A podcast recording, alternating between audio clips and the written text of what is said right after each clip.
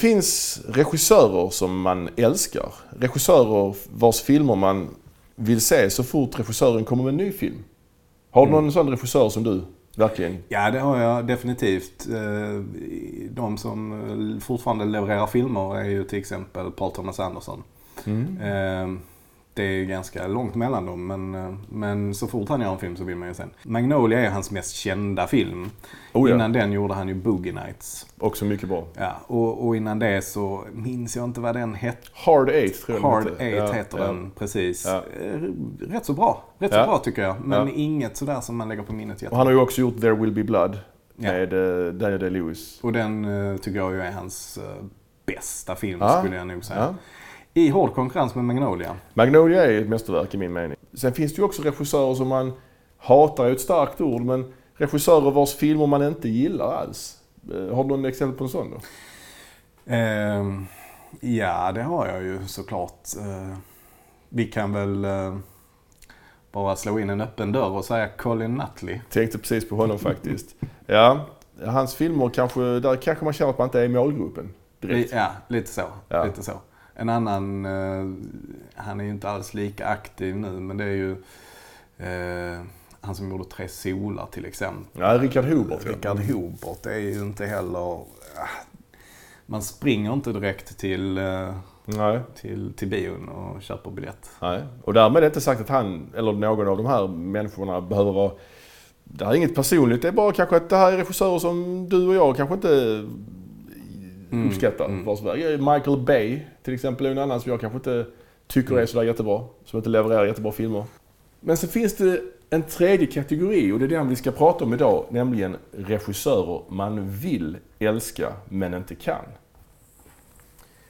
Regissörer man vill älska men inte kan. Hur ska vi förklara detta då? Jo, det enklaste är väl egentligen att diskutera helt enkelt. Ta något regissörsnamn och diskutera varför man inte... va- Varför det förhåller sig som det gör helt enkelt. Och eh, vi har då varsin, valt ut varsin regissör som vi verkligen vill älska men inte kan. Eh, och eh, ska vi börja? Ska vi, vill du börja med ditt, ditt Mm. namn Henrik? Ja, precis. Jag kan börja. Eh, Ja, Bo Widerberg är ju en regissör som jag verkligen vill tycka om. Och kan låta konstigt när man säger så, kanske att man vill tycka om det. Men vi är ju båda Malmöbor och eh, Ja, Bo ja. Widerberg är ju också från Malmö. Ja, verkligen. Det är ju verkligen intressant. eh, Mm. Det, ju. det gör ju Mm. att Och han är ju en stor Malmöskildrare. Och i Mm. många, eh, kanske inte alla, men i de flesta av hans filmer så är det väl någonting som är inspelat i Malmö i de flesta scenerna. Ja, Eller i de flesta filmerna, någonsin. ja. tror jag. Och det, där är ju... Eh, precis. Och där finns ju faktiskt, han har ju en plats uppkallad efter sig i Malmö. Bo Mm. Widerbergs plats finns ju inte så långt härifrån där vi sitter nu. Ja. Eh, kommer du ihåg att vi har båda två sett Bo Widerberg live? Minns du det? Nej, det minns jag inte. Är det sant? När, när gjorde vi det? När vi gick gymnasiet. Vi gick alltså i samma klass på gymnasiet. Det kan vi berätta för nytill, nytillkomna. Eh, och eh, på vår skola då så anordnades det en kulturdag. Där eh, ja, man fick prova på lite olika aktiviteter. Jag minns inte så mycket men det jag minns ifrån den dagen var ju att Bo Widerberg var och föreläste i aulan. Har du Ja. glömt bort detta? Nej, Du nej. känner igen det nu när jag säger Det det? jag känner igen det nu. Ja, ja, ja, det gör jag faktiskt. Det känner jag igen. ja. Det måste varit precis innan han dog, eller? ja, det kan inte vara långt innan han dog. När dog han? 97 eller något sånt va? Ja. Ja. Uh, ja, nej, vi gick ju till studenten 97, så detta kanske var 96, 95, jag vet inte. Det var, Ja. Han hade väl gjort, jo så här var det, han hade gjort Lust och fägring stor och Mm. blivit Oscarsnominerad. Mm. För han berättade om, minns du det? Att han berättade om Oscarsgalan. Jag minns ingenting om vad han Nej, pratade jag, om. jag minns faktiskt. detta, detta var ändå, han berättade om att han hade varit på Oscarsgalan och suttit bredvid, har jag för mig, han hade satt bredvid Winona Ryder. Gjorde han? Ja, jag tror det, jag tror han tyckte hon var vacker också. Ja. Så, Eh. berättade han det? För mig han berättade detta. Okej. Ja. För mig var Winona Ryder. Han nämnde också att han, hans, vad hans nästa projekt skulle vara. Och det är ju intressant med tanke på det som tyvärr inte blev. Det blev ju inte fler projekt för, för Bo Widerberg för han gick ju bort 1997. Men hans nästa projekt skulle ju vara en filmatisering av en Norman Mailer-roman. Alltså en amerikansk, en amerikansk film. Eh, som skulle heta Hjortparken. finns en bok han har skrivit. Det är ju en Norman Mailer-bok Ja. som jag har försökt läsa flera gånger men aldrig lyckats ta mig igenom. Jag vet inte alls vad den Det, handlar om. det är en fruktansvärt seg bok. Vet du vem han tänkte ha i huvudrollen i den här filmen? Nej, det vet Eller jag inte huvudrollen, för det handlar, sa handlar om han en det? man i och för sig. Så, ja, det handlar om en man ja. Ja, en kvinnlig huvudroll då. Det var en kvinna. Ja, där, där, som jag minns det, nu är det många år sedan Mm. jag försökte läsa den här Mm. boken eh, senaste gången. Eh, där, är, där är som jag minns det två kvinnliga huvudroller, en lite Mm. yngre och en lite Det äldre. var den yngre då. Ja, Han ville ha Mira Sorvino i den rollen. ja, ja, hon var väl rätt stor då. På, Hon var ju det. Hon vann ju Oscar just på den Oscarsgalan, tror jag, där Bo Widerberg ja, då var. det kan det ha varit. Hon För Afrodite. Ja, just det. På tal om Afrodite. Tal om Afrodite. Mighty Aphrodite av Woody Allen faktiskt. Eh, det, hon vann en Oscar för den bästa kvinnliga biroll och då fick han väl upp ögonen för henne kanske. Mm, Och mm. Så han tänkte ha henne som huvudperson. Mira Sorvino har ju tyvärr försvunnit lite grann från scenen, känns det Det som. må jag säga. Ja. Det må jag säga. Ja, ja okej. Men eh, okej, vi går vidare då. Bo Widerberg. Va, Ja. Du vill älska honom? Jag vill älska honom Han på, var grund rebell. av, på grund av, han var en rebell, han var anti-etablissemang, alltså filmetablissemang Bergman. Mm. Han kritiserade Bergman liksom. Han var ett slags, och han var en, Mal, en Malmöprofil och en Malmöskildrare liksom. Precis. Eh, och på något sätt så kan man väl säga att det här var väl lite efter franska nya vågen.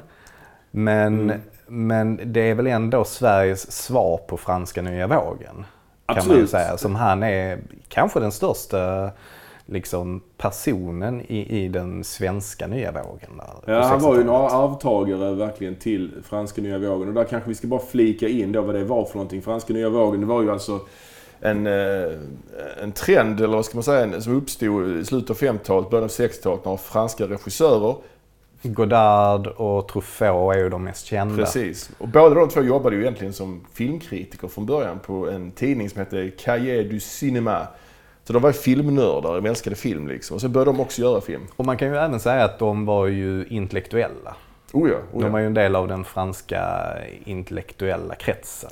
Precis. Och olika, man ska ta för de nya vågen-filmerna, vad som är kännetecknande för dem är ju det att man använder sig av handkamera. Man har alltså inte kameran på stativ så ofta utan man kör lite mer rörlig, lite dokumentär stil på fotot. Det är svartvitt. Eh, det är ofta inspelat på eh, riktiga inspelningsplatser, alltså inte i filmstudios. Utan man spelar in på gator och torg, mitt ibland folk. Folk som inte ens vet om att de är med i filmen. Om man kollar på Godard-filmer så kan man ju se folk i bakgrunden som kollar in i kameran. För de är ju inte medvetna om att det pågår en filminspelning mitt på det här torget till exempel. Då, liksom. så, och Bo Widerberg han, han, han älskade ju det och tog det då till, till Sverige liksom, kan man väl säga. Ja. Ja, och Bo Widerberg kom ju från den bakgrunden också, att han, han var ju författare Mm. eh, från början. Eh, men gick över till film. Mm. Jag kommer ihåg, han di- han dissade sin första bok jag för mig. På den här föreläsningen vi såg med honom. Att han tyckte hans första bok var dålig, sa han själv om sin första bok. Mm. Ja, vad har han Ja. gjort för filmer då? Som, det finns ju någon, han måste väl ha gjort, det måste finnas någonting då som får dig att, Ja, att vilja tycka om honom rent filmiskt. Inte bara Ja. att han verkar vara en jävligt cool person liksom. Mm. Nej, men han, hans, hans första film var väl Barnvagnen, vad jag förstår. Ehm, och den har jag ju tittat på. Mm. För att liksom eh, se ifall det stämmer det, jag- det, jag- det jag mindes att jag tyckte om den. Ehm, Du har sett om den nyligen? Jag har sett om den, ja. Ja. Precis. Ehm, och eh, Barnvagnen, ja det är ju eh, framförallt Tommy Berggren då som eh, antar också att det är hans första stora roll så. Mm. Ehm, och det intressanta är att samma år gjorde han Kvarteret Korpen. Kvarteret Korpen ja. Kvarteret Korpen, den kom ju samma år där och det är också med Tommy Berggren. Mm. Ehm, Men om vi, om vi eh, tittar lite på Barnvagnen till att börja med.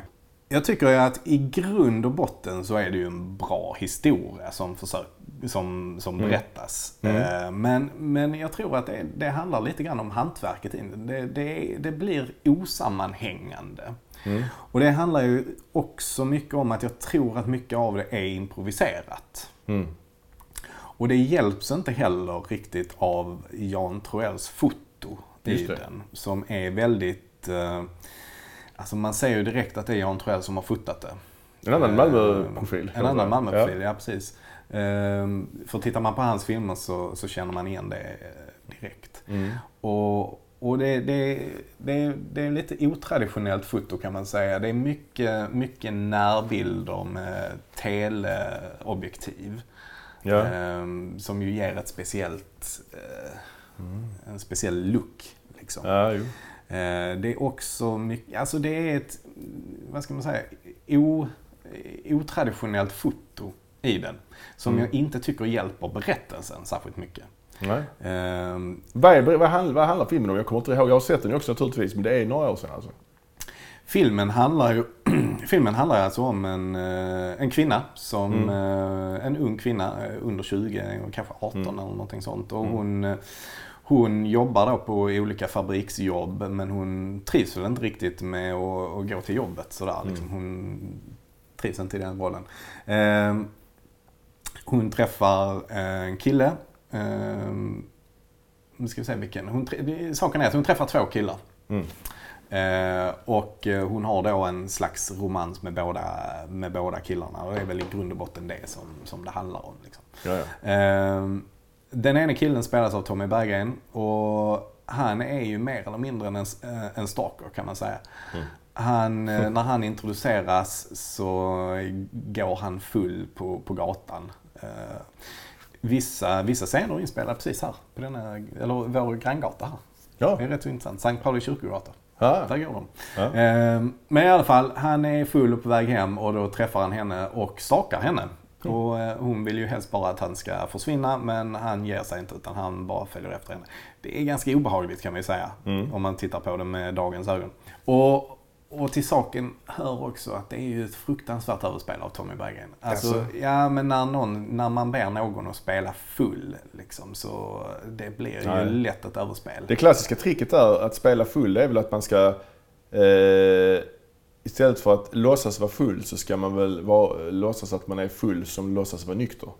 ja, Att precis. man ska jobba med två lager där va? Precis. Det är väl det klassiska tipset där för att spela full. Har jag för. Ja, det påminner ju lite om hur Bela Lugosi Mm. skapade sin eh, dialekt när han spelade Dracula. Jaha. Hur gjorde det? Ja. Jo, Dracula var ju från Rumänien, säger Ja. man väl att han är från. Transylvanien. Transylvanien, precis. Ehm, medans den här filmen utspelar sig väl inte där, eller? Har jag fel? Uh, ja, ju- Lugosi-filmen. Den utspelar sig mest, del- mestadels i England tror jag väl. Men eh, det är väl också delar i Transylvanien där i början. för mig. Ja, det kanske det. I slottet liksom. Ja, ja. I alla fall, han, han ville ju aldrig försöka ha en rumänsk brytning utan han, han spelade det som att det var en person från Rumänien med, med den brytningen som försökte så gott som möjligt prata så bra engelska. Liksom. Mhm. Så det var den eh, liksom, dialekten han Ja. försökte få till. Ja, det är lite grann Det samma påminner grej. lite grann om... Och han var ju dessutom ungrare på riktigt ju. Mm, Så han hade ju mm, också det. Mm, Fast många lager jobbade med där för Bela Lugosi. mm, Som för övrigt begravdes i sin Dracula-dräkt. mm. När han dog. Han förknippades ju så hårt med den rollen. Han kunde aldrig bli av med den liksom. Tragiskt. Mm. Ja. Eh, men eh, ja, okej. Ja, i alla Så, fall. Ja. Bo Widerberg då. Men om jag kommer med något motargument. Om jag, jag, jag, jag gör Ja. så här. För Bo Widerberg han är, ju, han är ju liksom en av de största inom svensk film naturligtvis. Och det måste man ju inte älska bara för det naturligtvis. Men han har ändå gjort ett par, om jag, om jag säger till dig då. Han har ju gjort Kvarteret Korpen, detta erkända verk. Vad har du, vad har du tank, tankar Ja. där? Där kan jag väl säga liksom att det är ju en rätt seg film. Ja, ja. Alltså, om vi då tar Keve Hjelm som Just spelar pappan i eh, Kvarteret Korpen. Alkoholiserad. Alkoholiserad Ja. pappa. Ja. Ehm, han, är ju, han är ju rolig och bra. Mm. Men efter 30 minuter i den filmen så har ju fortfarande ingenting hänt. Och man blir ju ganska trött på det efter ett tag. Ja, Liksom. ja. Sen är ju frågan också, hur trovärdigt är det här? Alltså, Mm.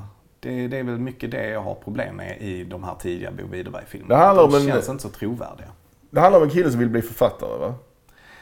Det är ju inte, det är inte så att han går omkring i filmen och pratar om hans Nej. författardrömmar. Utan det Nej. kommer lite grann från ingenstans. Att han har, skickat, att han har skrivit en bok och skickat upp manuset till, till Stockholm. Just det. Eh, och så får han ju då eh, åka upp eh, dit och gå på möte hos Bonnier. Liksom. Men Mm. så händer det ju ingenting med De, de, de vill ju inte publicera hans bok så direkt, men de vill ändå ha ett möte med honom för att eh, de tycker Mm. att han är lovande. Liksom. Och det är väl kanske något slags Bo Widerbergs kritik då mot eh, Mm.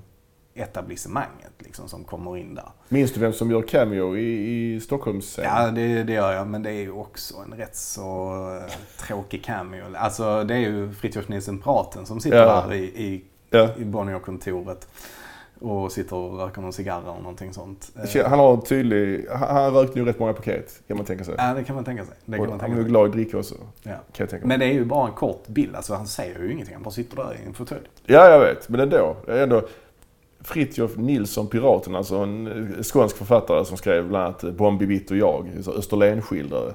Har du tänkt på det? Han kallas ju Piraten. Men han hette liksom... När man säger hans namn säger man Fritiof Nilsson Piraten, inte Fritiof Piraten Nilsson. Mm. Som det brukar vara. Utan smeknamnet kommer efter Mm. hans riktiga Mm. namn. Det är ganska, ganska ovanligt. Mycket Jag har aldrig, Ja. aldrig hört något liknande tror jag. Nej. Jättekonstigt. Piraten Fritiof Nilsson har varit nästan... Att ha hans smeknamnet först. Det var nästan lite mer, ännu mer logiskt kanske. Ja, Ja, ja. kanske. Det- Jag tror man kan tänka så här. Om det var så att han var en pirat så är det ju inga konstigheter och eh, liksom då lägger man det först. Nilsson Piraten. Ja, ja, Frit, streck, Eller piraten Fritiof Nilsson. Ja. Alltså, Ja. Fritiof Nilsson streck piraten. alltså, så. ja, precis. ja. I alla fall, båda de här två filmerna som kom 1963. I båda de här två filmerna så är det som att eh, han skildrar arbetarklassen men, men det är liksom en väldigt romantiserad bild av det. Som att arbetarklassen, det enda de håller på med det är att de går omkring och liksom håller på med olika kultursaker. Liksom. Eh, Så här, de går och lyssnar på, i barnvagnen går de och lyssnar på stadsbiblioteket på, på musik. Och Just det. verkligen så här njuter eh, så himla Drömmen om något annat. Liksom. Ja, precis. Eh, I barnvagnen så blir ju, blir ju huvudrollen på, på smällen där och, och det är mycket det handlingen Mm. kretsar kring. Hon får ju sen barn med den ena. Och då, det, en sak som jag också har problem med är att den här barnvagnen, den, Alltså- den är ju bara med i de sista minuterna. Ah. Ja, det är faktiskt sant. Det är jobbigt. Jag menar, en, en film, titeln på en film är ju en berättarkomponent i sig. Ja, Om en film heter Barnvagnen och, och själva vagnen i fråga inte ens dyker upp från i slutet av filmen, då sitter man bara och väntar på Ja. varför heter filmen Barnvagnen. ja, precis. Ja, man vet ju så att hon är gravid. Det var så- det enda jag satt och tänkte på. Var är den här jävla barnvagnen Ja, ja, ja. Jo, då kommer den. Sista minuten är den med. Ja. Vilken är den mest kända barnvagnen i filmhistorien? Ja, det är ju utan tvekan pansarkryssaren Potemkin. Ja, det är ju, skulle jag säga, att det är väl den mest kända barnvagnen i Ska inte filmhistorien. du rätta mitt uttal nu? Ja, jag, Pachomkin har jag hört vissa säga. Men jag, jag, jag säger Potemkin. Jag tycker det är enklare. Ja. Men Kvarteret Korpen, den har ju ändå en hel del, det är ju en del klassiska repliker har jag för mig. Oartikulerat, det är när man skriker så högt så ingen hör vad man säger. Mm. Det är ju bra. Mm, mm. Det finns ju en hel del feta grejer. Och Kevin Hjelm, han snackar ju någonting om att han äter är på Savoy och lunchen glider över till middag. Ja, Det är många sådana Mm. goa Mm. grejer liksom. Mm. Det finns en del. Så, ja. Jo, det är det. Ja, men absolut. Det är det. Sen en sak som jag har problem med om jag får komma med, det är ju det att eh, det är ju Malmö liksom, men det är ju inte någon som pratar skånska direkt. Nej, precis. förutom sådana här sjuka statister, gubbar i, som skriker "Åh, du säger inte hut till mig en gång till. Mm. Du säger inte hut till mig en gång till. Eller bara, det känns som att de bara spelat in helt dokumentärt ju och bara det tar vi med i filmen. Och det är också frågan hur etiskt det är. För den där gubben verkar inte må riktigt bra. Alltså. Nej, han, och jag tror han är inte medveten om att han är med i en film. Nej, nej. Nej, men det här med dialekterna håller jag verkligen med om. Alltså det är ju ett Mm. jäkla södertugg i... eh, Men förklaras det inte då? Varför de pratar? Nej, det gör det, det, gör det inte.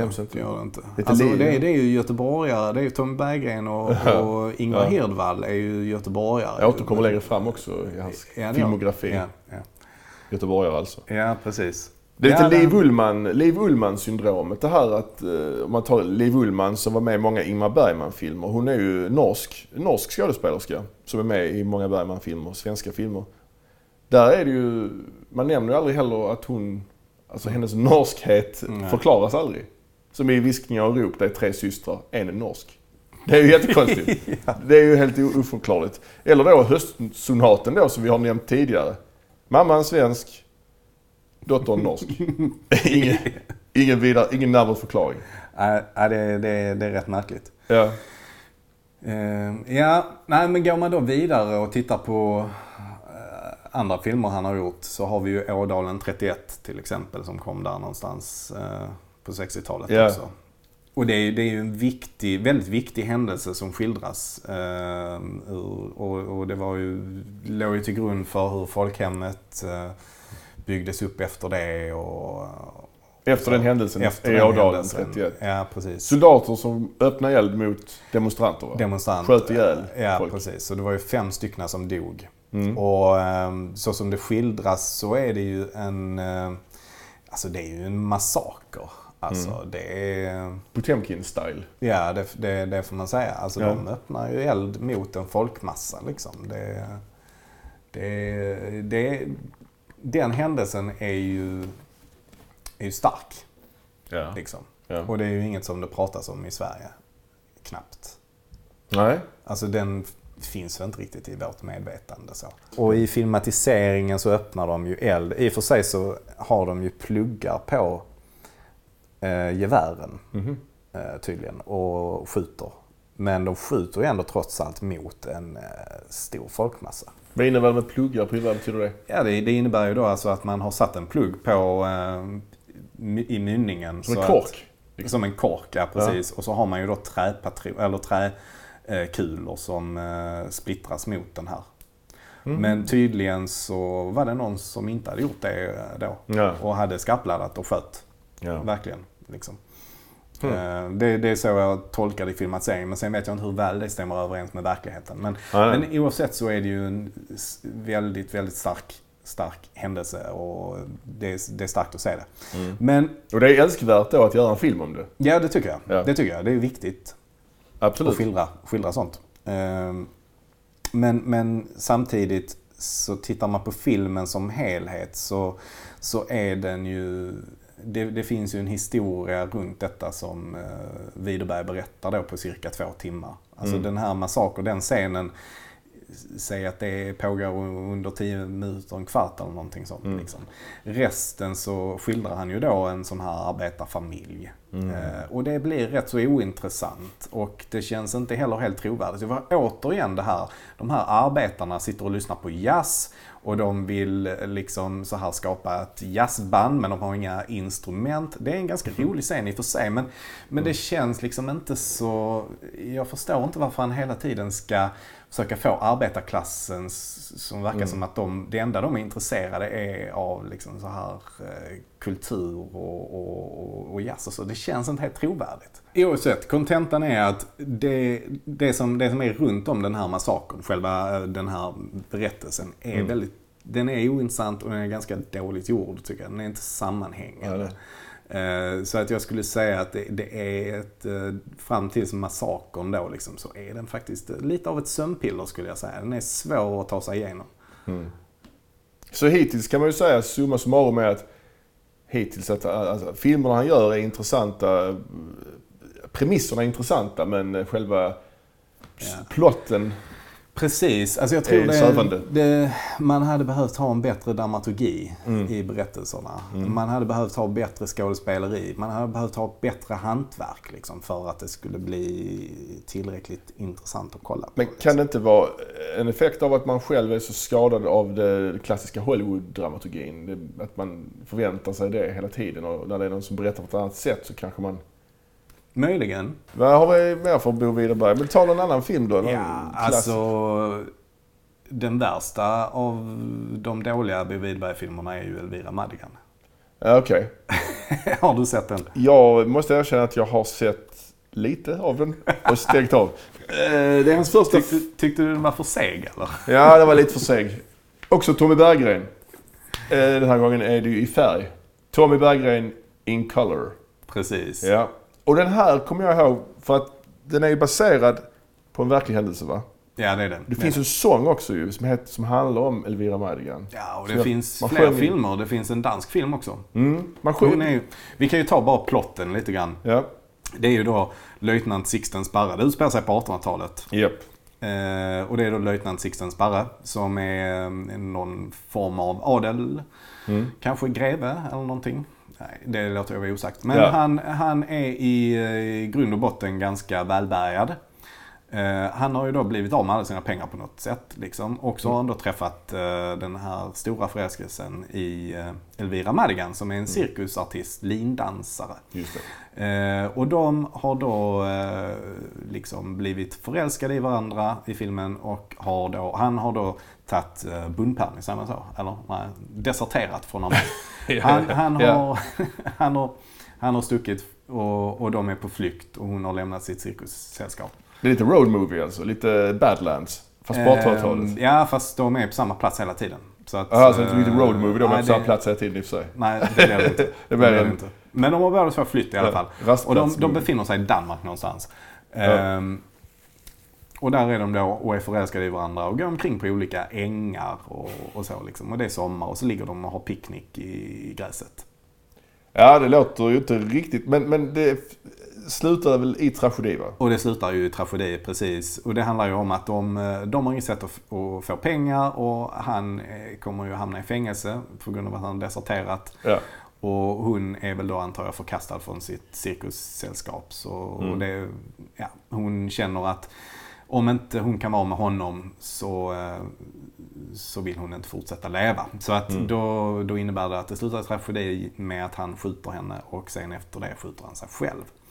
Skjuter han henne av ilska eller av... Varför skjuter han henne? Nej, han skjuter henne för att de, de inser ju liksom att de har, de har ingen chans att kunna vara tillsammans. Mm. Eftersom han ska åka in i, i finkan Mm. och hon vill inte leva utan honom.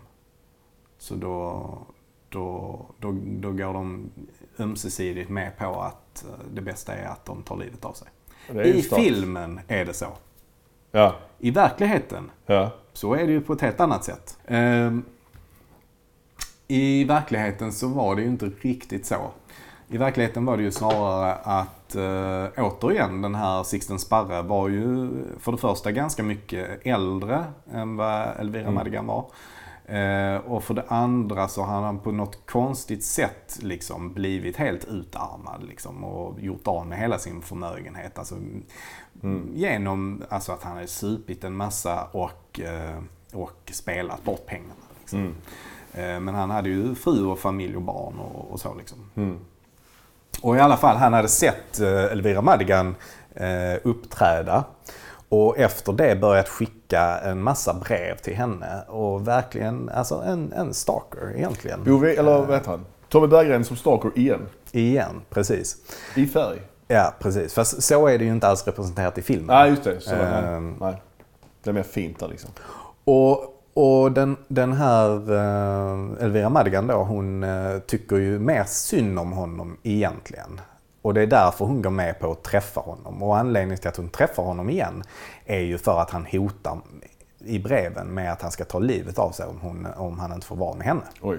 Jobbig jävel. En riktigt jobbig jävel, Sixten Sparre, ja, Ja. precis. Så hon går då med på det med, i tron om att hon ska kunna hjälpa honom. Ja. Liksom. Och det är därför hon väljer att träffa honom. Mm.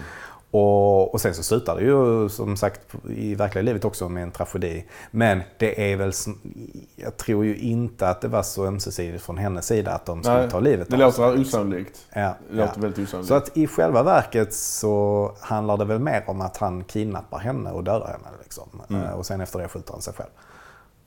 Det är en annan slags berättelse. låter skulle jag säga. hade varit en mer intressant film kanske. En mer intressant film också. Ja. Men en mycket mer tragisk. Oh ja. Här är det ju på något sätt en Romeo och Julia-historia Ja, som, Bo Widerberg berättar. ja. Men eh, ligger väldigt långt från verkligheten.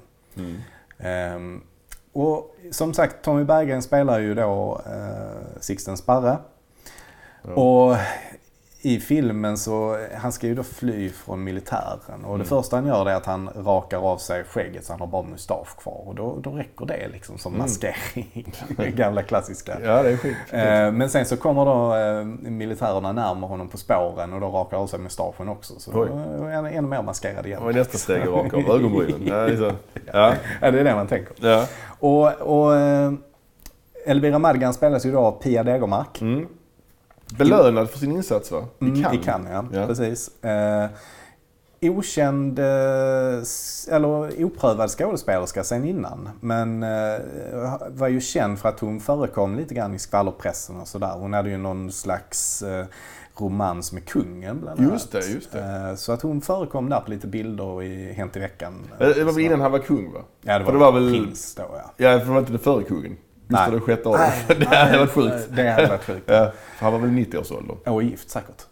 Ja, han var väl enkling tror jag. Han det? Skitsamma. Ja. Men eh, ja, det Det var får alltså... bli till en annan podd. Ja. Kunga, Kungapodden. kunga på den. Men det var en ny, den nuvarande kungen lär ha ja, haft en fling med henne då. Ja, precis. Pia Och på det sättet så hade hon ju blivit lite kändis. Ehm, Och Bo Widerberg valde då att kasta henne till den Han här kapitaliserade på det kanske? Ja, det kan man För att locka man folk till- ja. till- till och, där, och där vet jag att Bo eh, Bergman reagerade mycket på det Mhm. valet. eh, och kritiserade det valet. men, men Bergman ska ha sagt att efteråt så eh, kunde han förstå lite grann eh, varför Bo Widerberg valde. För han tyckte att han kunde se ett mörker i Pia Degermarks eh, liksom, Mhm. eh, ögon på något sätt. Mm. Och att han tyckte att det var väldigt bra. Men jag tycker att det är ett ganska dåligt val. För hon ska ju prata danska. Och det innebär ju då att hon blir ju dubbad liksom. Usch, det är svårt med Eh, dubbningen. och det är svårt med dubbning. Det, Mm. det, jag har aldrig sett något bra exempel på när det har, när det har funkat. Liksom. Nej. Eh, det, det, det, ser inte, det ser inte bra ut. Men i Ja. övrigt är det mycket bilder på så här väldigt Softad lins. Softad lins. Alltså, De gör någon barkbåt och så skickar han den längs vattnet till henne va? Ja, Det- precis. det har jag ja, sett. Det, ja, det gör Ja. Men det är mycket bilder på henne när hon står på en grön äng och en vit klänning på sig och hennes eh, Mm. blonda hår och så här närbilder på, på hennes ansikte liksom, om hur vacker hon är och så. Ja, ja. Ehm, känns inte, känns inte Nej. jättehäftigt att kolla på. Mannen på taket då. Det är ju en, det är ju en film som jag minns som riktigt bra. Ja, ja men den är ju rätt bra. Ja. Definitivt. Och mycket på grund av alltså, ett återhållsamt spel tycker jag. Oh ja, det är ju känd, den är ju känd för att han har castat Carl Gustaf Lindstedt, en väldigt känd komiker, i en dramatisk roll då som, som Martin Beck. Mannen på taket är ju den första Beck-filmen i Sverige Mm. kan man ju säga. Mm. Det är ju baserat på Sjöwall Wahlöös bok. Som Mm. heter något annat va? Den vedervärdige mannen från Från Säffle. Säffle. Ja. Just Precis. det. Dålig Så titel Mm. kan man säga. Sven Wollter gör en rätt bra roll tycker jag. Där är ju en klassisk scen i den filmen som börjar med Som att... du gillar väldigt mycket. Det, det, det, om man ska sä- säga, hur var 70-talet? Eller jag vet ju inte, jag levde ju knappt på 70-talet. Men jag menar, för mig är den här scenen 70-talet komprimerat till en kort, kort scen. Se, scenen börjar ju med att Sven Wollter duschar av sin unges, alltså ungen har bajsat ner sig. Så det är närbild på en rumpa med, med bajs som han eh, duschar av med duschslangen. Sen går han ut till sovrummet eh, till sin fru som ligger i sängen. Naken va? Ja, det tror jag. Spelas av Eva Remaeus, känd från Fem myror är fler än fyra elefanter. Och de håller, har en dialog. Men under den här dialogen så är Sven Wollter endast klädd i en, vill jag minnas, tomatröd polotröja. Är det till och med en kortärmad polotröja eller något sånt sjukt? Eh, Det kanske, men det sjukaste, framförallt är det ju sjukt att han inte har någonting på underkroppen. Ja. Han har ju bara underkropp. Och en röd polotröja. Det, alltså det är sjukt, kan det bli mer 70-tal? Jag undrar. Mm. Ja, nej, men det, det, det, det är ju riktigt bra. Och Sven Wollter gör ju en skitbra eh, rollprestation i övrigt tycker jag. Och även Carl Gustaf Lindstedt. Alltså Oh, det är ett bra spel i den filmen. Riktigt det är bra. återhållsamt framför allt. Ja. Skulle jag säga. Ja. Vilket man inte kan eh, liksom säga om Bo Widerbergs övriga filmer. Jag Nej. vet inte om det är Tommy Berggren där som är... eh, Ja, han, är inte med, han är inte med i Han är inte med i denna liksom. Nej, det, det är bra. För filmen slutar ju med en shootout. Eh, Att det är en man på taket. En man med gevär som klättrar upp på ett tak och börjar skjuta mot befolkningen på Stockholms gator. Och det är ju rätt fett liksom. Det är ju rätt spektakulärt ju. Mm. Ja, det är det. Och det är ju ändå...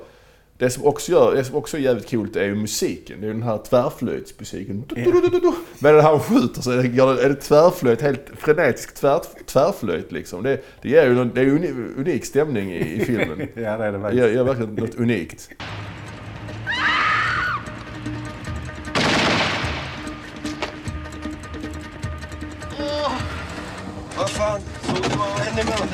Björn Jison Lind, tror jag det är. Han är någon slags tvärflöjtsvirtuos, tror jag. Han gjorde väl andra, har gjort andra plattor också som heter Brusa högre lilla å, tror jag. Ja, just det. Ja. Fler shootouts med tvärflöjter tycker jag. Oh ja. Hur, en, en berömd shootout, eller är det så man uttalar det? Shootout. Jag uttalar det så ibland. Shootout. En berömd sån scen är ju eh, Filmen Heat, tänker du på? i filmen Hit, tänker Ja, ja Precis, visst du skulle säga. Ja. Eh, tänk om den hade varit med Björn Jason Lind tvärflöjt. ännu mer, in, ja, ännu mer intensivt. Men där är det väl så att de inte har någon musik alls, utan där är det väl bara maskingevären. Som, det är ju en thriller med Pacino och De Niro från typ 95.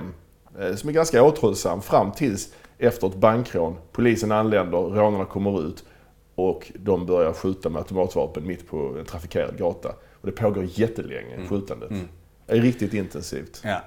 Den filmen är väl känd också framförallt för att eh, De Niro och Pacino för första gången gjorde en scen tillsammans. Precis. Man ja. har ju alltid, de har ju förekommit i samma film men de har aldrig haft en scen mot varandra. Ja, exakt. Eh, Så det var väl det som var egentligen Ja. uspen för den filmen liksom. Ja. De har, var ju med i Gudfadern 2 båda två, men de spelar ju inte i samma scener eftersom de spelar på två, två olika karaktärer på olika eh, tidsplan så att säga. Men om vi går, tillbaks till Mannen på Jag taket. hoppar tillbaka till Mannen på taket ja. Ja, Eh, berömd också för att en helikopter som kraschar. precis. På Odenplan va? I Stockholm. En polishelikopter som försöker eh, bekämpa den här mannen på taket och han skjuter ju på helikoptern. Skjuter ner den så den störtar eh, mitt, mitt i, i Stockholm. Det är ganska, det är väldigt bra klippt där för att man kan ju, de, det är en svensk film, man har inte den budgeten som man har i USA. Så man får ju klippa runt det för att det ska se så bra ut som möjligt. Men det är ju en bild, i, en eh, speciell bild i den här kraschscenen som är filmad underifrån. Från en trappa under. Och man ser helikoptern faller ner mot kameran, liksom rakt ner. Och det var ju faktiskt Bo Widerberg själv som filmade den bilden. Gjorde han det? Ja. Jaha. För de, ingen annan fick, de fick inte lov att... Försäkringen täckte inte eh, Mhm. att någon annan gjorde det, så han gjorde det själv liksom. Finns Coolt. ja, det finns ju någon sån intervju med honom Han också. gav allt för konsten. Ja, det gjorde han. Och eh, det krävs kanske att att det är liksom någon film i, i en regissörs filmo, filmografi som är riktigt bra för att också som är riktigt bra, Mm. så att säga, för att man ska finnas någon chans att man vill älska regissören kanske. Sen finns det andra filmer där det finns detaljer, som du har nämnt tidigare nu här, som är sympatiska och bra sådär. Och, då naturligtvis kanske också att regissören i sig är, är liksom en häftig person. Att han filmar den här helikoptern underifrån till exempel. Det finns också en intervju med honom, när de intervjuar honom under inspelningen, när han snackar om att de ska slå hajen. Att den här filmen ska bli liksom större succé än Hajen. För den var, kom ju då 75 och den här kom väl 76 tror jag. Och sånt. Kanske. Kommer han in så tidigt? Ja, Hajen kom 75. Ja, ja, ja.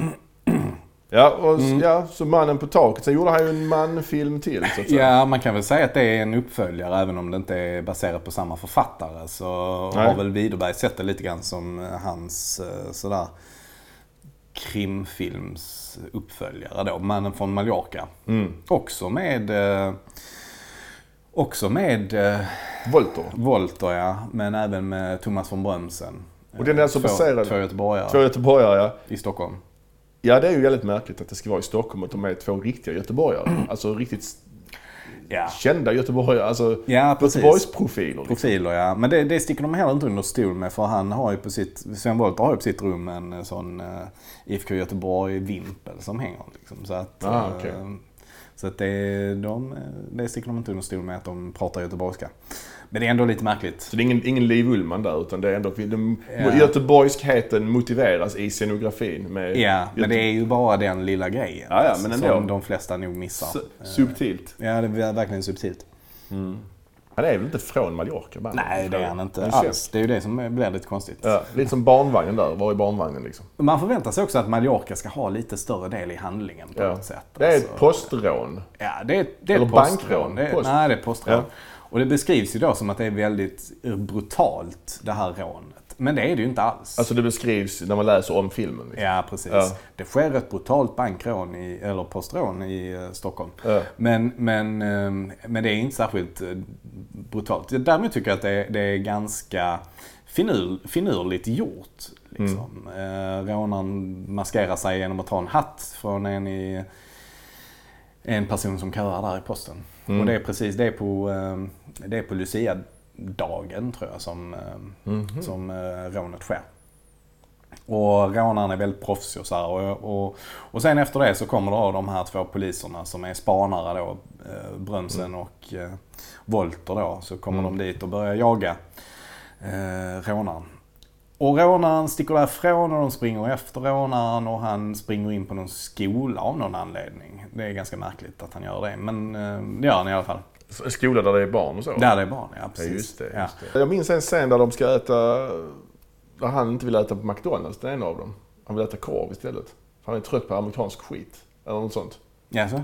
Ja. Och så äter de en korv och så säger han Död den här korven. Den var svensk, men den var fan inte god. Ursäkta göteborgskan där men ja. Ja. ja, i alla fall. När de är inne på den här skolan och jagar eh, rånaren så kommer de in i en gympasal Ja. och eh, då gömmer sig rånaren genom att klättra upp i en ribbstol. Och från Brunsen bara springer in så och så bara Åh, var är rånaren någonstans? Så fortsätter han springa. Sen får man säga att rånaren så bara klättrar ner från den här ribbstolen. Jättemärkligt. Dåligt polisarbete. inte noggrant. Nej, det är verkligen Uh, fy fan. Ja, men vadå? Man springer in i en gympasal och någon har klättrat upp i en ribbstol så ser man väl det? ja, det ser man direkt ju. Gympasalar är ju ofta inte så stora på skolor heller så att det bru- brukar vara rätt lätt att få överblick. Ja, ja precis. Eh, Ja, där- men, ja. men, men, men oavsett så ehm, ja, det, det visar sig sen att rånaren har kopplingar högre upp i hierarkin liksom, och kopplingar till eh, justitieministern bland annat. Och, eh, är det inte så att filmen också, alltså storyn blir lite sekundär sen? Att man, det blir lite mer socialrealism, man får följa poliserna i deras vardagliga liv lite grann. Att den ena är väl frånskild och han firar ändå jul tillsammans med sitt ex och hennes nya typ. där är vissa sådana scener men jag skulle ändå inte säga att storyn blir sek- sekundär. Ah, okej. Det, det Ja. håller jag nog inte med. Men det går Ja. ganska långsamt framåt. Mm. Ehm, och, och han försöker göra, göra om det här med Carl Gustav Lindstedt lite grann genom att ta in Ernst Günther i rollen som polis... eh, ja, någon form av chef, avdelningschef inom polisen. Inte deras chef dock, men... eh, Ernst Günther, fryntlig, eh, rolig. Var med i den här Änglagård bland annat. I alla fall, eh, han, jag tycker inte han lyckas lika bra som... eh, Carl Gustav. eh, ja, precis. precis. Det uttalas Carl Gustav ju.